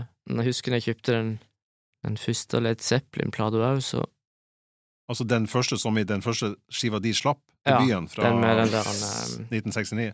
Den med den der eh, luftskipet på Hindenburg-ulykka fra 37 eller noe Ja. sånt. Den, den, det luftskipet som, Ja. som brenner, ja. Jeg husker jeg ble litt sånn skuffa da jeg kjøpte den, men så var heldigvis en der communication breakdown på, på den. Heldigvis var den der, Ja, på B-sida, ja. ja. så det redda inn. Ja, en kul låt, da. Det er kanskje merkelig at jeg endte endte opp med å spille sånn treig eh, Treig visesang. det er kanskje greit. Men, nei, men, nei, men der er jo verden blitt veldig annerledes. For at i dag så, så er det veldig ofte eh, jeg, jeg husker han godeste Will Olam, som du snakka med her i stad, han var, han var i Tromsø. Eh, det var et veldig sånn rart opplegg. Etter Øyafestivalen så ville Ja, stemmer. Jeg husker han skulle der. ja, så ville han dra nordover. Og så fikk jeg sp- spørsmål fra Øya om jeg kunne være sånn vert for han. Oi, oi, oi. Så, så jeg hang med han et par dager, da, han og kjæresten. Kjempe, kjempe skru kjempebra. av mikrofonen. Dette Nei, det var veldig, veldig sært. Eh, og han, eh, for det første så var han jo Han var altså så Han var en sånn gjøglemann. Han, var, Ja, han, han- tulla og tøysa Ja. hele Ja. tida. Eh, jeg, jeg hadde jo bare Jeg nidigga jo de platene hans. Jeg trodde han var verdens tristeste mann. ikke sant? Masse tull, Akkurat det samme tenkte jeg òg da jeg så han live første gang. ikke sant? ja Ja. Og så hadde jeg jo platebutikk på den tida, så han, han, han var og spilte en sånn gig in store, som det heter på godt norsk da. Han spilte en sånn halvtime. På, på min gitar, faktisk. og da, da skulle han kjøpe skive, og så sa han at eh, bare plukk eh, punk for en eh, 1000 kroner. Han, ville han, han kjøpte masse punkrock. Ja. Will Oldham. Will altså, Oldham. Ja. så jeg føler jo at du på en måte er en god tradisjon eh, Ja. der, da. ja, kanskje det. Poenget mitt er Det var ikke å skryte at jeg møtte Will Over, men, men, men det var det her med at eh, eh, i dag er det fullt mulig å spille vindskeiv country eller visesang med, med, med, med folkelementer, og samtidig være kjempefan av So Much Hate og, og. Stengte dører og Sepultura og Fugazi og sånt. Det, det ene utelukka ikke det andre. Før var det mye mer sånn at du enten var visemann Ja. eller dame, eller så var du heavy, eller så var du goth, eller whatever. Så Stemmer det. Det var ikke, litt fremover, tenkte jeg. det var jo ikke lov for meg å, å like for eksempel de Cure når jeg vokste opp. Det, det gikk jo ikke an. Og var det forbudt? Hvorfor Ja, var nei, det, det var i, i den gjengen Hva de likte? Var det Joy Division, da? Ja, Ja, det var Joy. Division det og. Dead Kennedys, for eksempel. Ja, Likte jeg. Så, men så det måtte være lov. Det var lov. Ja. Mm. Men det var litt, det var litt strengt hva en hadde lov å høre på når Ja. jeg vokste opp, egentlig. Det var litt mer sånne regler. Men, ja, men, men jeg følte liksom at jeg var ikke sånn bonden av de reglene, samtidig som jeg hørte ikke så mye på de kjør da, men nå syns jeg det er veldig bra, da. Og eh, første gang de spiller på fjernsyn, så er det jo, det er jo punk. Særlig de tidlige singlene deres er veldig sånn kontant og Ja, ja. det er veldig, veldig tøft å se. Og så er han jævlig god på gitar, og underkjent gitarist, Robert Smith. Skjønte, jeg- skjønte jeg lenge etterpå at han var. Ja. Så jeg har likt dem, og så mislikte jeg dem en stund, og så har jeg skjønt at uh, de hadde jo masse kvalitet. Men jeg har nok hatt tilgang på en del sånn folk rundt meg som har vært veldig, eh, veldig opptatt av musikk, men, men kanskje hatt sine forskjellige felt, da. Jeg tror jeg generelt blir veldig fascinert av folk som, som er engasjert i et eller annet veldig mye, sånn at de, du ser på det at de gløder når de snakker om det, eller at dette Mens jeg kan òg være litt sånn, men jeg kan, jeg kan vingle litt, jeg kan havne litt her og litt der. Men det tenker jeg helt Altså, du har egentlig gjort noe jævla smart. Du har egentlig bare vært sånn du har vært så bare sånn, du drev med sånn cherrypicking fra de forskjellige folkene du har snakka med, og så har Ja. du bare sopa til deg eh, alt mulig, og så har du skrudd de komponentene i hop til eh, ditt eget musikalske univers, og det er jo det som til syvende og sist kommer ut av på platen din, det er jo en miks av alt mulig, da. Det er kanskje det. Jeg syns iallfall det er Jeg er litt sånn livredd sjøl for å bli en sånn fyr som bare hører på ett band, som stopper opp sånn, for det De finnes, de. Jeg hadde flere sånne kunder, sånne, sånne, sånne dylanologer, for Ja, eksempel. De hører på Bob Dylan. Punktum. Ja, det Og bootleg som er Bob Dylan. Ja. Jeg òg kan høre på Bob Dylan. Jeg elsker, Jeg elsker Bob jeg Dylan, elsker men- Bob Dylan, men Men eh, gjerne noe annet også. ja. Ja. For det er ikke sånn at han er best av alt. Når det er sagt første gang, og første gang jeg så Real Old Time, så begynte han faktisk med, med en Bob Dylan-sang. Oi, hvilken låt? Med My Pony. Begynte han med Bob Dylan-låt? Ja. Ja. ja, ja. Ja, Det er jo ikke noe paradoks, det, egentlig. da. Nei, Dylan er jo overalt, da. Ja, ja, ja herregud. Um, jeg syns egentlig det er en fin bru til å gå over til um, den faste posten vår, nemlig hvilken plate vi ville ha med deg på ei øde øy. Og der nevnte du faktisk også ei plate som var en sånn um, eh, kandidat, da. Og det var uh, ei plate av Will Oldham. Da hadde han bytta navn, eller da hadde han tatt navnet eh, Bonnie Prince Billy, Ja. som han vel fortsatt går under navnet eh, som. Eh, og skiva I See a Darkness, som kom i 1999. Mm Um, den var jo veldig sånn Da den kom i 99, så var jo, da var jo Bonnie Prince Billy og Will Oldham ganske sånn etablert i indie-himmelen. Eh, jeg husker jeg solgte ganske mye plater av han også på den tida. Eh, men låttittelen og låten er vel kanskje mer kjent av Eller som følge av at Johnny Cash covra den. Sånn, at Ja. den ble verdenskjent. da. Ja. Eh, og som også jo hjalp veldig på platesalget for, for Will Olam. Ha, har du, um, har du uh, noen ord å si til folk om den plata? Hvorfor du har, at du vurderte å ha den som ditt utvalgte favorittalbum? Det var jo fordi du spurte. Jeg hadde jo ikke lyst til å velge ei plate til. Nei! det er fordi du får lov til å si flere, vet du. Ja, det. Ja. Nei, det er fordi det er skikkelig god plate, det er liksom veldig sånn enkelt. Det er ikke noe sånn fiksfakseri. Eh, Stemmen hans er, er veldig sånn ramme. Sangene er trege, egentlig, men det, er et eller annet med det han synger som du blir, blir veldig nysgjerrig på hva det, hva det han sier, hva er det du Ja, så er det noe uggent. Det er noe uggent, uggent, men òg noe veldig fint. Absolutt. Det er veldig tander, de tingene til Ja. Will på den tida der. Han har jo en stemme som er nesten på bristepunktet Ja, hele tida. Han Liksom. har jo forandra seg veldig på måten han synger. I Mm. begynnelsen så var han det liksom ikke så nøye, mens nå de senere årene så er han synger han nesten for fint, um, på et vis. Han gjør jo ikke det, da, men den virker jo veldig sånn mørk, hele plata, på et vis. Ja, den er kølmørk. Den, er, den heter jo I See a Darkness. Ja, ja. men allikevel så blir jeg liksom opp på en måte Blir så håpfull òg når jeg hører på, på det han eh, synger. Men òg når jeg når jeg ikke sitter han eh, Så han jo live på denne tida etter en plate, og da, da oppdaga jeg jo at han var jo en, en moromann Ja, på, skikkelig! på, på scenen der, så når du kom tilbake og hørte på plata etterpå, så fikk du en litt annen sånn balanse i tingene da.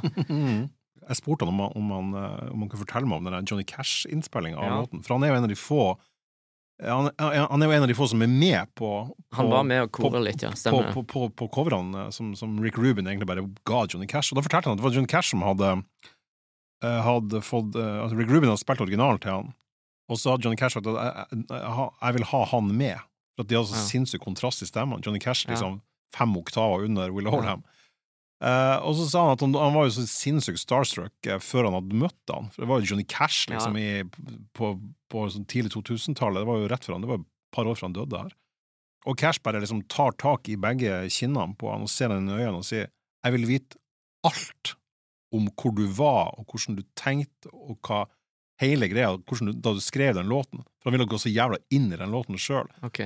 Og han sa han ble så utrolig For det ble han veldig sånn her eh, Det var jo en absurd situasjon. Johnny Cash da, og vil liksom dypdykke og analysere din egen låt, men det var Det lå en sånn jævla kul sånn ydmykhet i Johnny Cash sin inngang til en annen fyr sin låt. Mm. Eh, eh, da sa det, så ble jeg så glad. Jeg ble så glad for å høre at Johnny Cash var, at han var så kul. Ja, ja det, det er tøft. Ja, det, det må jo være litt spesielt å få Holdt på å si nesten telefonen fra Johnny Cash. Så liksom ja. Det er nesten så du ikke ja, for å snakke om din låt. Ja, ja. Det er ganske rått. Han spilte jo inn en, en ny versjon av sin egen sang Real Old Time, da.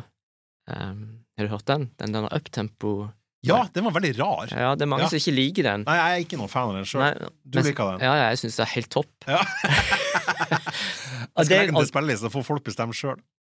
Men det, det, det ser du liksom, for der kødder han liksom med, med seg sjøl, og det er jo enormt farlig å kødde med en av sine, sine største hits, da, liksom, og lage video der du springer rundt i gata med sånne rare Ja, øyne og sånn. Men den svinger ganske godt òg. Jeg tror hvis du ikke hadde hørt den gamle, og den plutselig hadde kommet sånn, så tenker jeg, tenker jeg da hadde det Ja, det har selvfølgelig masse med saken å gjøre. Eh, og så har jeg et eh, litt sånn pretensiøst forhold til den låten, så jeg, jeg følte at den ikke skulle køddes med. Men Ja. han, han har jo selvfølgelig lov. Ja. Men jeg vet ikke om det var den plata jeg ville tatt med meg, men det er iallfall ei god plate. Det er en god plate, man må aldri slutte å snakke om den. Jeg anbefaler alle å høre alt egentlig han har uh, gjort, uh, og særlig den og den uh, Viva Las Music, særlig da med Palace Music, som jeg også syns er helt Ja, ja. sykt bra. Ja, ja.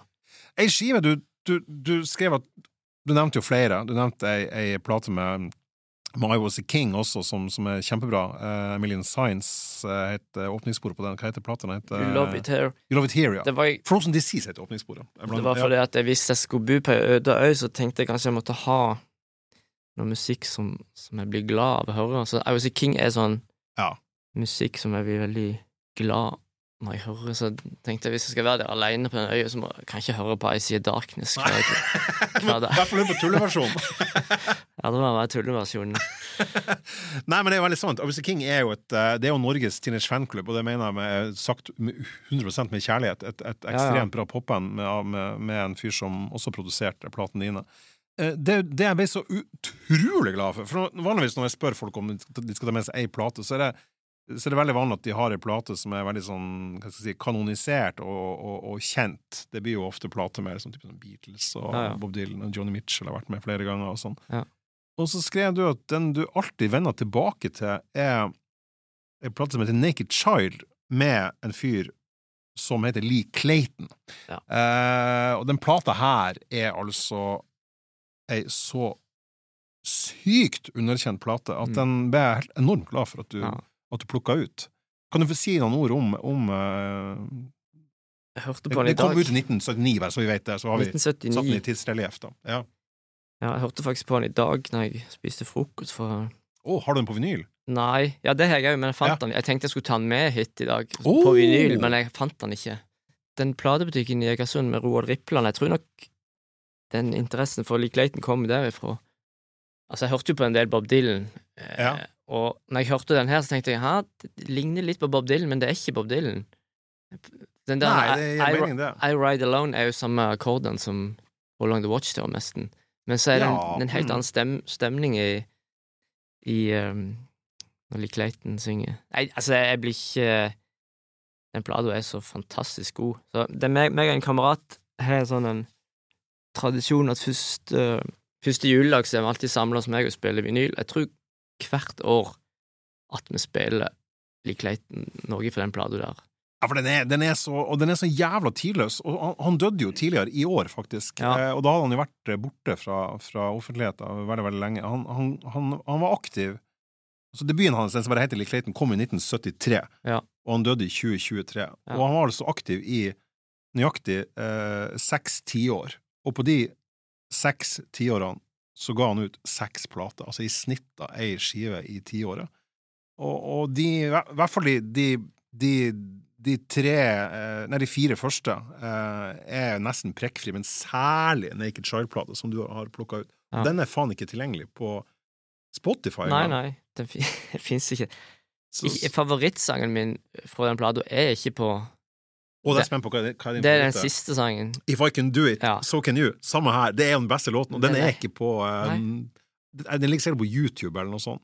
Ja, den er helt det er jo, Dette er jo òg veldig sånn Det er jo ikke noe Lykkelig av gatan-plate. Det er jo ikke det.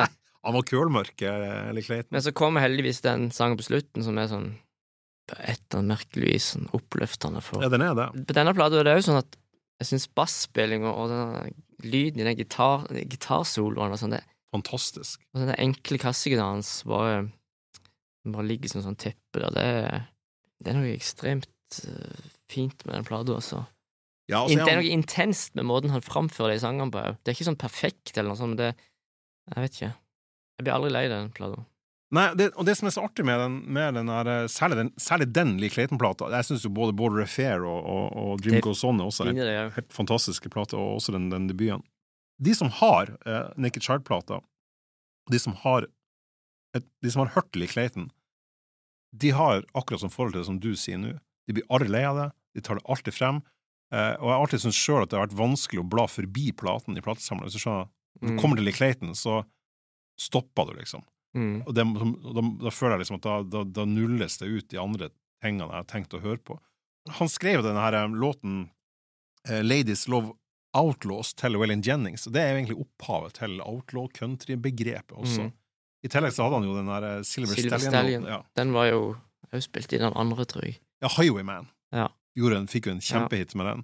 Eh, sånn at han har jo på en måte satt store spor etter seg, men, men aldri blitt stor. Og i Norge, av alle plasser, eh, fikk han jo til og med òg et um, litt sånn ekstra navn på plakaten, for han spilte jo inn ei hel skive på I live- kafé. Ja, Ha, har du den? ja den har jeg òg på vinyl. Det syns jeg òg er dritbra. Ja, det er jo Den er kjempebra. Det er jo bare nordmenn som spiller på Ja, norsk, norsk backingband. Han Tore Elgarøy som spiller gitar der, Uh, han Spiller gjør jo det, det han uh, David Gilmore har prøvd hele sitt liv uten å Ja. bli like bra.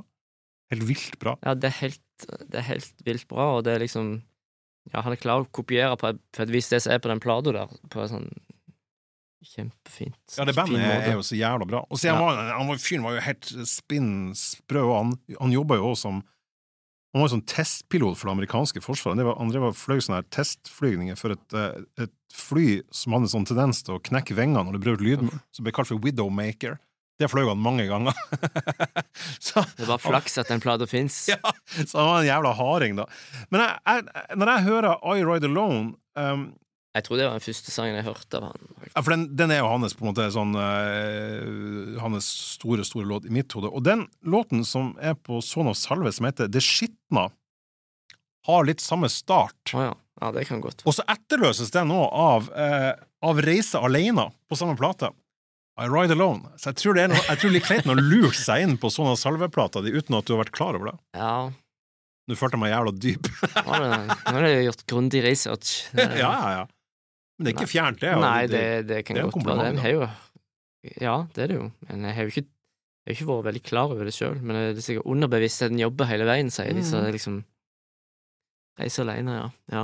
Han har jo spilt i Stavanger en gang, Lik Leiten på Folken, har jeg hørt rykte om. Hva, var det i den 1989-turneen, da? Sikkert, sikkert sikkert mer, mer, mer norske band, da, vil jeg tro. Ja. Ja.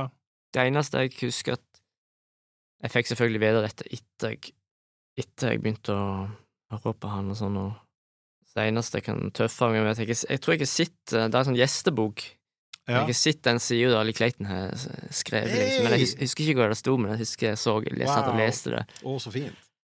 Så jeg vet ikke om de har den gjesteboka ennå, men det Er det masse tull med rettigheter? Altså, men han, det var, han var en Han var nok en eller Han var visstnok en veldig vrien fyr også. Eh, Ja. Så den skiva er jo, kommer aldri til å bli gitt ut en liveplate på, på nytt, men, eh, altså digitalt. Men eh, den ligger i sin helhet på YouTube, der låt eh, Rekkefølgen er rett, og så står det på hvilket minutt de og de låtene ligger. Another Yes. Night heter den med Clayton. Gå inn der, Night. og så hør på versjonen der av Industry. Industry, Jeg skulle akkurat til å Ja. si det, faktisk. Tror du det, ja? For den er helt sånn gåsehud. Ja, er- er sånn, jeg får gåsehud av å snakke om den. For den er jo ikke på den eh, Den er jo på en av de andre platene, sikkert. Ja, Den er ikke på Naked Chart, men den, den er også helt sånn her Og der, der går han Tore Elgarøy helt eh, bananas med gitaren sin. Og jeg ble så rørt. Jeg så på, jeg så på Facebook da han da han Likleiten Clayton døde nå tidligere i år, så var det noen som hadde tagga Tore Elgarøy. Ja, ja. Og sånn, Veit Vet du hva som skjedde med han de siste 20 årene, liksom? Også, eller 30 årene? Sånn. Og så svarer Tore Elgarøy, at, eh, som for øvrig skal gi ut soloplate nå snart, ja, så svarer Tor Elgerøy at han hadde sist meldt med han eh, rett før jul i fjor, Såpass. og fått ønske om en god jul og sånn fra Lee Clayton. Så jeg ble så glad av å høre at han hadde Han var der, liksom. Han var der, ja. Ja. ja, det er fint. Det var veldig fint. Jeg spurte litt også om eh, konsertbiten av musikk-fanlivet, og det er jo viktig. Der er det jo selvfølgelig også masse forskjellige ting man, man, man, man vil si forskjellige svar fra, fra gang til gang, men jeg tenker på når det liksom det mest minneverdige du har sett, så, så, så forteller du det Selvfølgelig veldig mange har en sånn fellesopplevelse med det som er på vår alder, det er jo da Roskildefestivalen på 80-90-tallet. Og når, når du sier Roskilde 1991, så husker jeg det så godt, for at jeg var ikke der sjøl, men på den tida der så pugga jeg programmene til Roskildefestivalen. Ja, det var jo en hel katalog. Ja, var- uten å, så jeg vet Jeg kan liksom lineupen på alle de årene jeg ikke var der sjøl også. Og 91 var jo regnværsåret. Ja. Og det skikkelig lava og ned regn. Og da vet jeg at Iggy og Union Carbon Productions og Ellis Costello husker jeg var der. Okay. Husker jeg, jeg var der ikke da, men du var der, Ja, jeg var, i gjørma. Ja, var- hadde med meg støvler og Å, du var lur, du! Støvler, og sånn fjellrevenjakke, og Å, det var jo smart. fikk sett teltet på en sånn torr plass. Litt sånn eh, forhøyning. Altså. Så, Ja, du var lur, du var ja, jeg har gått i speideren, vet du. Ja. Så det, end, alle de kule. endelig, Ja. Endelig fikk jeg eh, bruk for det. Så, så, eh, så Jeg, var der, jeg reiste ned for å Var du alene eller i lag med noen, eller? Jeg var i lag med noen. Det var en gjeng som, reiste ned ifra Dalane, holdt jeg på å si. Men jeg reiste ned for å skulle se Primus, som var et uh, Som var et band først og fremst kjent for bassisten? bassist Det er lov å si Les, Les Claypool. Ja. Ja. Uh, og det var jo et sånt band som jeg oppdaga via den lokalradioen, altså. Og det var sånn der Mye bass. Jeg, når vi snakker, mye bass. mye sånn bass har truffet meg. Ja, jeg Det- det. det- Du- du- Kanskje vi spiller bass Jeg spiller jo faktisk bass på Spleiselag-sangen, så det er jo Ah! Så det er kanskje det er derfor. Nettopp, ja. Nei, men ja, Primus. Det, det var sånn wow. Så da reiste jeg ned for å se dem, og de skulle spille på Oransje scene, og som du sa, det var jo et enormt regnvær, så det lukta jo piss og var sorpe overalt der nede. Altså, det var jo helt, egentlig helt forferdelig. Alt er helt forferdelig. Ja altså den, den festival, altså den lukta som blir på festival når det er pissregn, det tror jeg kanskje er det verste lukta jeg vet om. Og Ja. det er ikke litt hyggelig å være der. Nei. Du glemmer det når, når favorittbandet ditt liksom Ja, kommer inn og ja. spiller i altfor kort, de spilte sikkert 45 minutter. Ja. Av alle ting så ligger den eh, Den konserten ligger på YouTube. Oh, jeg ligger Det, det er helt absurd, og jeg kan, jeg kan se meg sjøl som 19-åring stå helt framme Nei, så Tønes er på, Jeg er på Det er helt sånn merkelig. Eh, Det er så spo... du finner, altså, du, det, Og det er lett å se at det er der. Ah, Liksom. For Eh, meg, for bare- meg Alle sammen, bare se etter han fyren i, spe- i speiderklær. Han er eneste som ser fornuftig ut. jeg, jeg har på meg regnfrakter, faktisk, men eh, Nei, men det var sånn Det var sikkert en, den første gangen jeg var på sånn stor eh, festival òg, så det var jo mange ting som gjorde at det var veldig sånn Ja, de første årene på Roskilde setter seg jo i, Ja. som minner. Det er jo Men jeg, ikke, jeg var nok ikke sånn som deg som pugga programmet, men, men det jeg var var jo faen ikke der engang. Nei. Men det var jo alltid Når du kom ned, satte du deg ned med programmet, og så krysset du liksom av det du tenkte du kunne gå på, for du hadde jo ikke hørt om alt. Nei, nei, nei. Iallfall ikke jeg. Liksom Så du Buffalo Tom det året? Nei, jeg gjorde sikkert ikke det. Jeg tror de også var der. Sånn. Ja. Tru du vet jo vel hvis jeg pugger det. ja, men, ja, men jeg, jeg stoler ikke helt på, på Jeg skal sjekke det etterpå.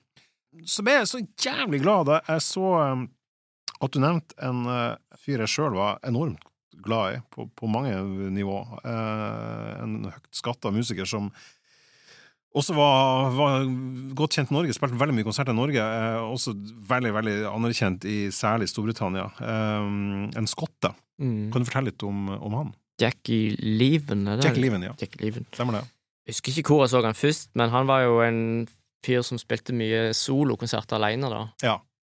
Um, spilte på Sementen og på Jæren hotell, tror jeg han spilte en gang, jeg var der. Helt sykt bra live. Fantastisk bra live.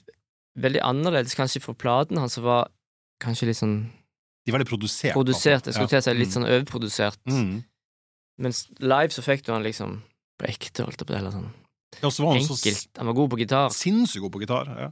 Han, han brukte en sånn eh, sånn slags åpen stemming, eh, så jeg skjønte ikke helt hva han holdt på med i begynnelsen. Jeg så han spilte gitar, for han brukte ikke, spilte ikke grepene jeg kunne. Nei, han spilte jo ikke grep noen andre kunne. Han lagde jo bare sitt eget sound. For han, han, eh, han fikk jo en gitar, og så ante han ikke hvordan han skulle stemme det. Så han bare stemte så det var at det var rene lyder, da. Og så spilte han solo oppå der, så det gikk ikke an å kopiere han heller. Nei. Men du har den låten, den låten du har som heter um, Er det mindre den heter? Den begynner med en sånn åpen chord. Høres veldig sånn Jack Liven Ja, ut. det er noe sånn. Ja. Var det Jack Liven-låt. Ja, men jeg, jeg gjorde faktisk Jeg ble så Det er jo ikke så veldig uvanlig med åpne stemminger, det er jo Nei, nei. mange som har gjort det.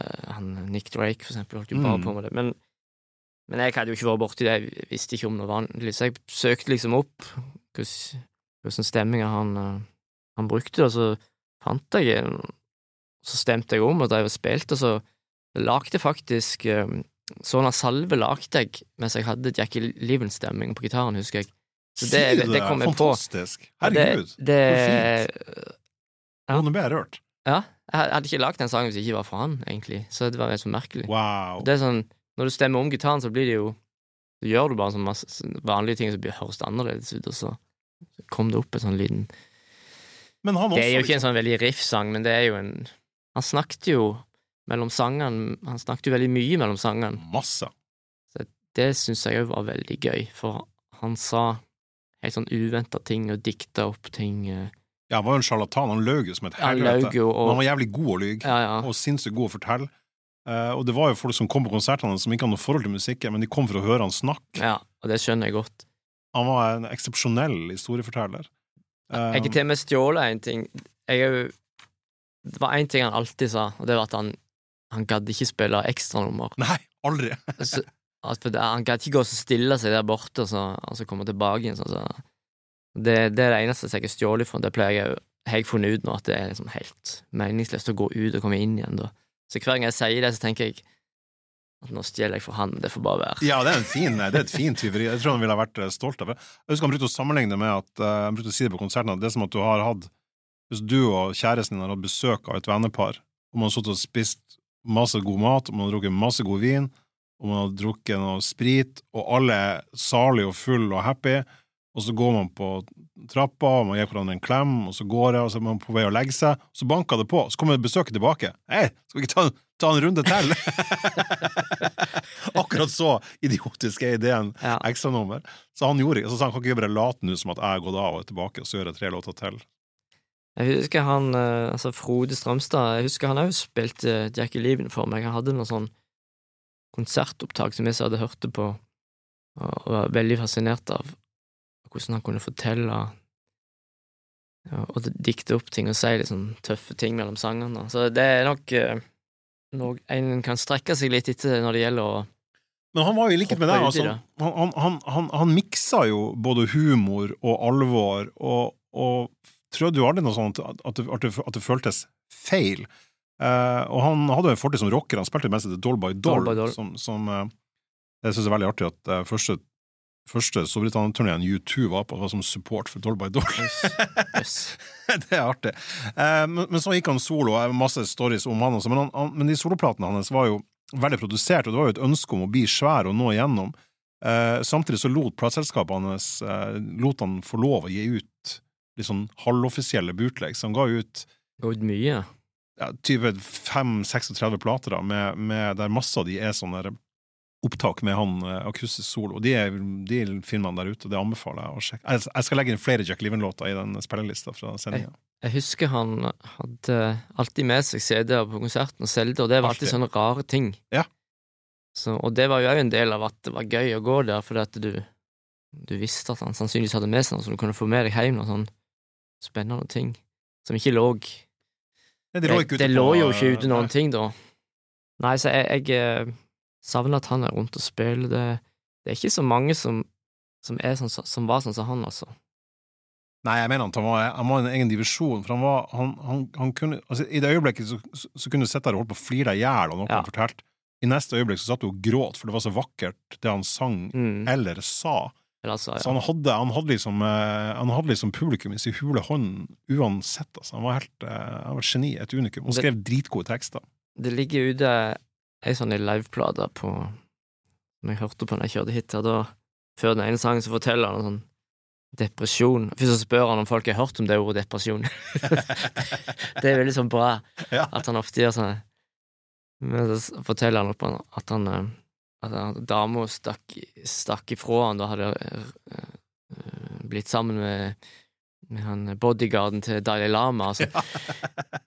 Så han forteller sånne mye ting det du det forteller han, i masse intervjuer også. Ja, Det er jo en svær greie det. Bare tull, det er jeg helt sikker på. Ja, men det, det er veldig gøy at han klarer liksom bare Men det var helt, det er en helt, helt absurd historie der om at han Han ble så deprimert at han bare la seg ned uh, inne i leiligheten sin på sida av eh, en sofa eller et eller annet, så kom det noen duer ut, ut forbi, så de begynner han å imitere de duene, og så til slutt så tror duene at han er død, at han bare ligger der, og så flytter de inn i leiligheten og begynner å bygge reir og sånn, så det er fantastisk. Sånn der, han er stor Og Å, savner jeg Jackie. Herregud, Ja, er for, en, eh, for en mann, altså. Jeg er så glad for at du trakk frem han, for han er en litt sånn unsung hero, eh, føler jeg, i, i, blant um, folk Ja. flest. Men han, han er han, Og han var også veldig sånn tilgjengelig. Han, og han var ikke bare en sånn, han var ikke bare en sånn trubadur. Og Jeg tror veldig mange sånn, i Tromsø trodde han var en sånn trubadur som bare spilte eh, Mm. på små puber. og sånn, men da, da han døde, så var det jo svære eh, oppslag i, liksom, i, i The Guardian og Daily Telegraph og, Ja. og de store musikkavisene, så han var en høyt eh, skatta fyr. Og nå sist hadde han uncutta kjørt sånn ekstra med han. Og sånn. Veldig bra at du trakk frem han. Ja. Jeg spurte også om du har opplevd noe som publikummer sjøl som, som, som, som ikke var så kult. Eh, det, det har du åpenbart opplevd. Eh, du trakk frem for det særlig, særlig en av det. Bare på papiret ser det helt jævlig ut. Kan, du- kan, kan, kan, du fortelle litt om det, Frank? Nei, altså Jeg kan ikke Altså, jeg valgte å vri det over på en av mine egne konserter. Vi, skulle, vi skulle ha en Tønes-konsert på festival i Kristiansand som heter Dark Season-festivalen. Hva, hva er det slags festival? Nei, det er jo eh, en sånn blandingsfestival med, som er liksom spredd litt utover Kristiansand, på forskjellige plasser, litt småplasser, litt større plasser. Og dette året var det i et telt eh, vi hadde fått lov å spille, og i alle fall skulle vi spille eh, før Stavangerkameratene, Stavanger-kameratene, for de hadde òg blitt veldig populære. Å, herregud, er det er det det der eh, Ja, ja, det, Ja! Kjartan Salvesen Ja, og det der, eh, Glenn Lyse og de her ja, ja, alle, de her de, alle de som ikke Og noen som vant og ikke vant Idol. Stemmer det. Men veldig sånn Det er festmusikk. Ja, og de har jo sinnssyke strømmetall sikkert Ja, ja, også. Ja, ja. Og vi skulle spille før dem i et telt. Det ble sånn helt sånn fullstendig krasj med publikum som ville komme og høre på våre sanger, ville høre på eh, tekster og sånn, og så noen skulle på fest og høre på Stavanger-kameratene. Så det, Ja, det var egentlig ingen som var der for å høre på nei, Tønes. var, nei, de som var der for å høre på Tønes, de ble overdøvet av alt det andre. Altså, telt er jo en forferdelig oppfinnelse når det gjelder festivaler. Unntatt Roskilde, kanskje. Der, Ja, Roskilde funker det. for der er det sånn svære telt. Men Ja.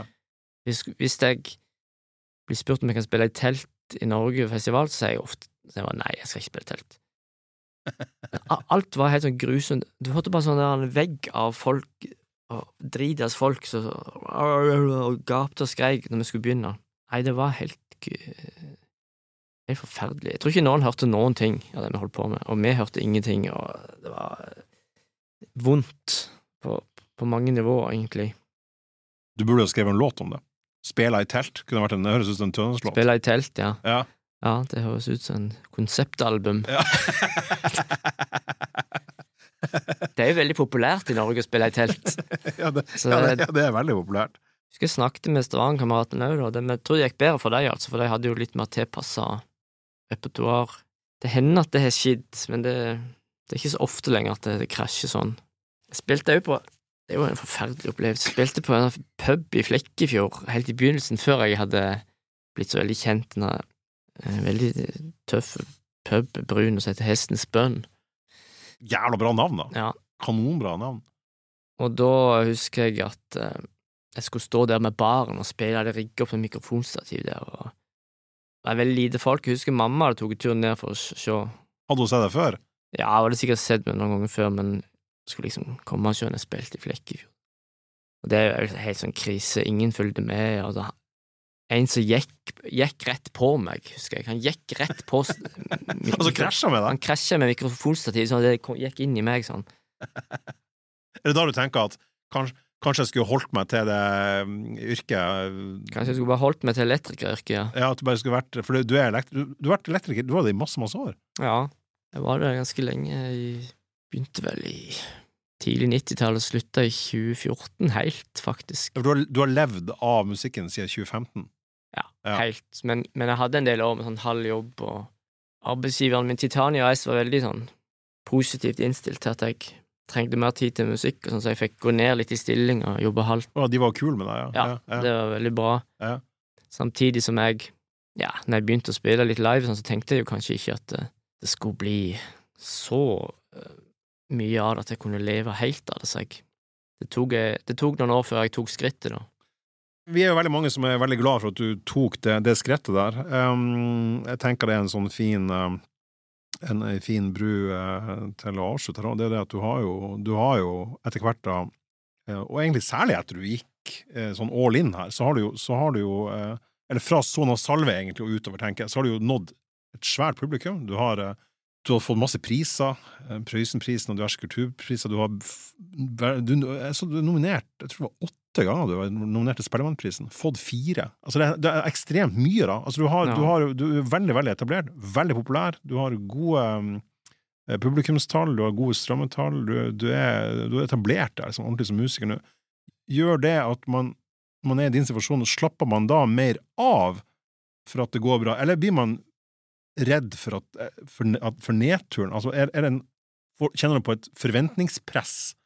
Nei, jeg blir ikke redd, men jeg, jeg blir litt sånn Prøver å ta meg litt i nakken og prøver Prøver å strekke meg, mot et eller annet slags utvikling, at um, Prøver egentlig å bli bedre, bli bedre, eller prøve å lage noe som jeg ikke har gjort før. I hvert fall gjøre gjør det på en annen måte, men jeg er ikke redd. da. Føler meg veldig sånn fri i, i de tingene som jeg lager. Jeg føler ikke at noen henger over meg, eller at det er sånn press på noe vis. Men en vil jo Altså, uten publikum så er vi jo er vi jo ikke så mye, holdt jeg på å si. Altså, jeg er veldig avhengig av at det kan fungere på et vis, at kommunikasjonen kan fortsette, da. Men du, men du liker å turnere og, og stå på scenen? Ja, jeg liker det veldig godt. Det siste har jeg jo turnert mest med litt sånn små besetninger, med Anne-Lise, for eksempel. Jeg har spilt en del med, og det har jo gjort at en må tenke annerledes enn når en er en band, og, at det krever kanskje litt mer av, deg sjøl når du står der aleine. Ja, for det er nakent. Ja, Mm. jeg har lyst til å bli litt bedre musiker, det har jeg egentlig tenkt litt det siste, øve litt mer enn jeg gjorde før. Um, På gitar? Ja. Mm. Akkurat nå er det litt vanskelig å finne på noe å skrive om, altså, tekstene sitter litt lenger inne. Det er jo selvfølgelig en angst for at du ikke skal ha noe å si, men det, det kommer nok, tenker jeg. Men jeg er ikke redd for det. Eh, Jeg er mest, mest takknemlig for at jeg får lov. Altså, det, nå skal vi på turné med Erlend i høst, og det er jo Erlend som også spiller Randing Tytingvold Trio Ja, Erlend Aasland, som er med hele veien. Ja. Det er mange jeg, Det er litt Det er jo egentlig frekt å nevne noen av de jeg har spilt med, uten å nevne alle, for jeg har hatt så mange folk opp gjennom tida som har Du har spilt med så jævla mange at det, det synes jeg du skal, du skal slippe å ramse opp alle, men du har spilt med masse flinke folk, eh, og det tror jeg nok du kommer til å fortsette å gjøre også. Ja, det er mange som har en finger med i Tønes prosjekt, egentlig, som har gjort at, eh, at, at jeg faktisk kan leve av det nå. Så det eh, kunne vi hatt egen sending om. vi får ta det når du kommer til Tromsø. Vi får ta del to. Ja. Eh, det har vært jævlig fint å ha deg som gjest her, eh, Frank, som jeg velger å kalle deg for nå. Jeg føler at jeg har Ja. lov til. Det har vært utrolig kult. Og jeg oppfordrer selvfølgelig alle til å sjekke ut platen til, til Tønes, og ikke minst høre spillelista fra denne podkasten der vi legger ut absolutt alt vi er innom som da finnes på, på stream. Eh, sjekk ut også Lee Clayton sin Naked Child som ligger på YouTube, og ikke minst alle platene til Jack Liven. Tusen takk for at du ville komme i studio til oss. Det har vært eh, jævlig artig og veldig veldig fint å ha deg i studio. Tusen takk for, for at jeg fikk komme. og stas.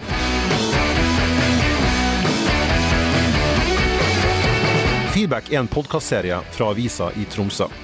Produsenten for sendinga var han Svein Lian, og jeg heter Egon Holstad. Husk også at vi lager spilleliste der all musikken som nevnes i sendingene legges til. Og de finner du på hjemmesiden til Tromsø i feedback-seksjonen, der du også finner anmeldelser av plater, anmeldelser av konserter, samt intervjuer, liste og masse annet aktuelt musikkstoff.